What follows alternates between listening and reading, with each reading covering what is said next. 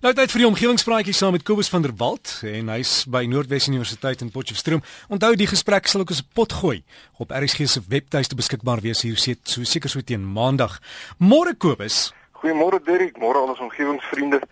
Ja Dirk, ek hoor julle praat vanoggend so lekker van die lente wat in die lug is en en so aan nou. Uh, dit begin vir ons voel asof die somer op pad is met die dae wat reeds merkbaar langer word. En ek het toe besluit om vanoggend af te skop met 'n navraag wat ek reeds langer as 'n jaar gelede ontvang het van meneer Pieter Botha.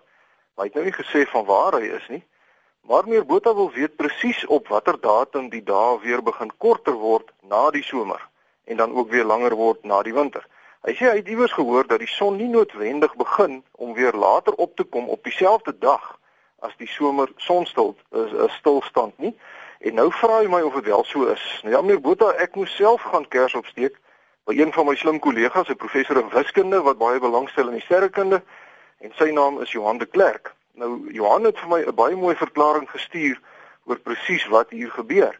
En ek gaan dit nou probeer verduidelik vanmôre, maar dit is bietjie moeilik. So die wat nog nie wakker is nie, vat maar 'n sluk koffie en probeer om saam met my te dink. Nou eerstens, uh, ons weet almal dat dit vir ons lyk asof die son soos wat dit dan nou winter word, al hoe verder noord skuif en dat ons daar in die suidelike halfrond al hoe korter word. Maar in die middel van die winter is daar 'n spesifieke dag wanneer die son nou weer suidwaarts begin skuif sodat ons daar weer langer word en uh, dan dan soos wat ons nou beleef, nê, nee, ons is nou op pad na die somer toe en dieselfde gebeur natuurlik in die somer, die dae word dan al hoe langer uh, in die somer tot op 'n spesifieke dag en dan begin die dae weer korter word. Nou die spesifieke dag wanneer die son op sy verste noord is, word die wintersonstilstand genoem en die datum van daai dag is 21 Junie en dit is dan ook die kortste dag elke jaar hier by ons.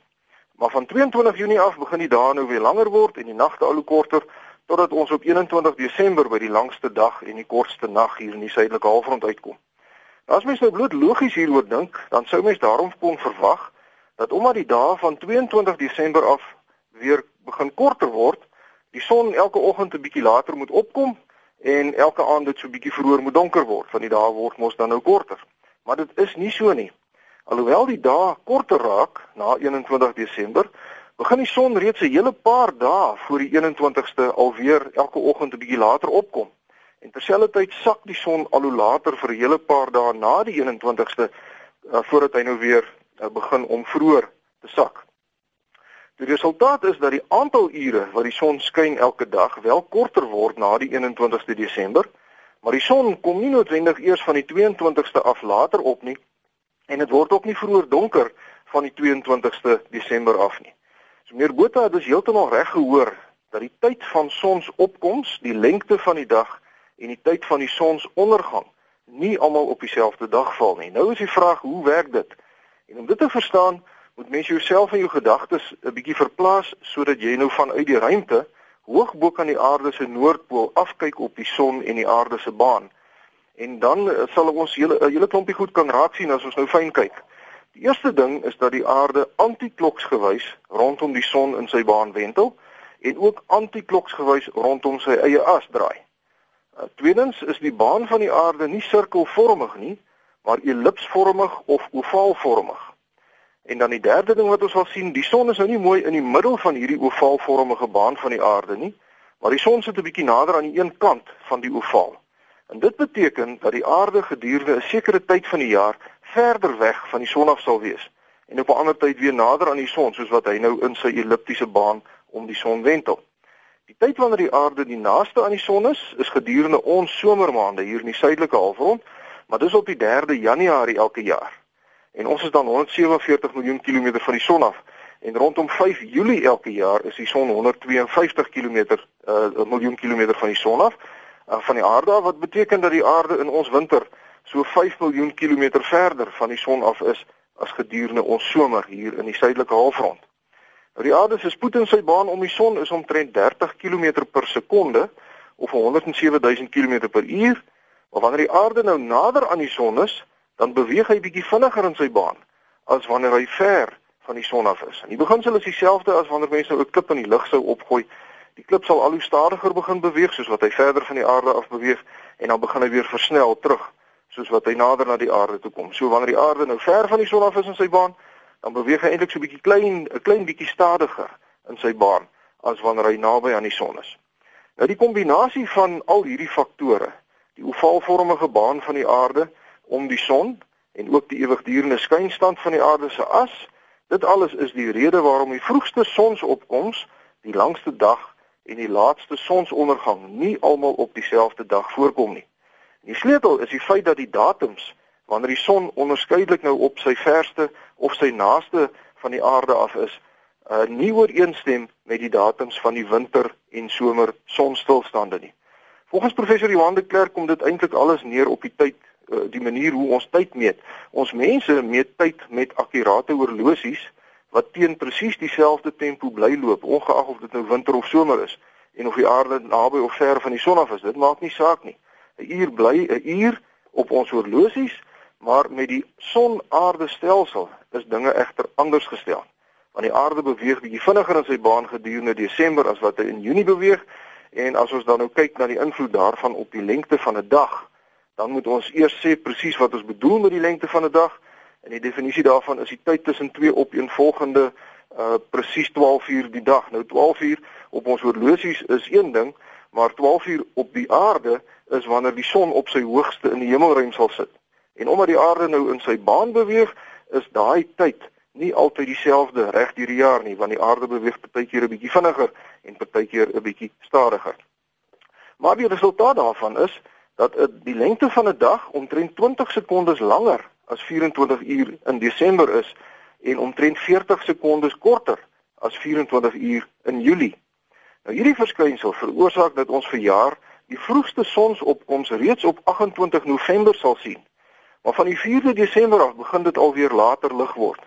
Maar die son sak in die middag ook al hoe later gedurende Desember sodat ons op 21 Desember wel die langste dag sal hê Maar daarna hou die son vir nog 'n paar dae lank aan om al hoe later te sak tot eers op die 9de Januarie en eers daarna sal dit weer vroeër begin donker word in die middag.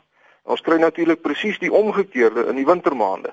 Al is die kortste dag elke jaar op 21 Junie, sal die son alreeds vanaf die 9de Junie af later begin sak in die aande, maar hy sal vanaf die 11de Julie eers weer vroeër begin opkom in die oggende. Baie dankie meneer Pieter Botha vir u interessante vraag en ook professor Johan de Klerk wat my gehelp het om te verstaan presies wat hier aan die gebeur is. Omgewingsvriende, dan wil ek graag 'n ander onderwerp ook vlugtig aanraak en dit is water. Die Verenigde Nasies het die afgelope week verklaar as die Wêreldwaterweek en vir jare is ook die internasionale jaar van water samewerking. Nou dit gaan alles daaroor dat almal wat iets met water op aarde te doen het, die afgelope week in Stockholm in Swede bymekaar gekom het om die nuutste navorsing en ontwikkelinge op die gebied van waterbesparing met mekaar te deel en ook om planne te maak oor wat gedoen moet word om die varswaterbronne van die aarde te beskerm vir ons nageslag. Nou, hier in Suid-Afrika het ons almal tot 'n paar jaar gelede nie eintlik eers gedink waar ons water vandaan kom nie, want ons was gewoond daaraan dat ons skoon veilige drinkwater kry as ons 'n kraan oopdraai. Maar die afgelope paar jaar is dit glad nie meer 'n gegeewe nie. Ons weet van baie dorpe wat sukkel met waterprobleme in ons land.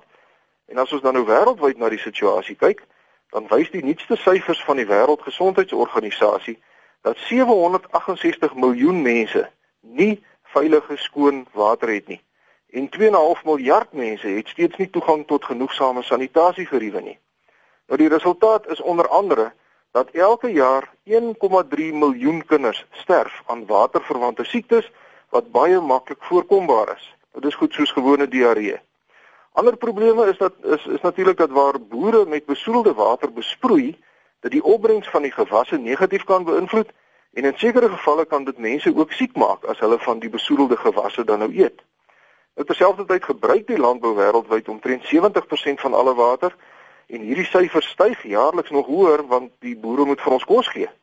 Maar nou is die landbousektor self nie onskuldig as dit kom by die waterbesoedeling nie want 40% van waterbesoedeling in ontwikkelde lande en 54% van die besoedeling in ontwikkelende lande kom van die landbou af. Maar dis nou 'n dilemma want die landbou moet kos voorsien vir die groeiende wêreldbevolking. Maar die klim het egter die afgelope week in Stockholm nie net geval op die groot globale probleme nie, maar ook op nuwe innovasies om water beskikbaar te maak vir alle mense. En dit sluit nou tegnieke in soos om water met sonlig te suiwer, geaktiveerde koolstoffilters en goedkoop bio-sandfilters. Omgewingsvriende, veral laasgenoemde het my nou geïnteresseer. En as u van mense in plakkerskampe weet wat nie toegang tot skoon water het nie en u wil iets goeds doen vir hierdie pragtige land en die mense van ons, gaan kyk asseblief op die webwerf www.groenenergie.co.za.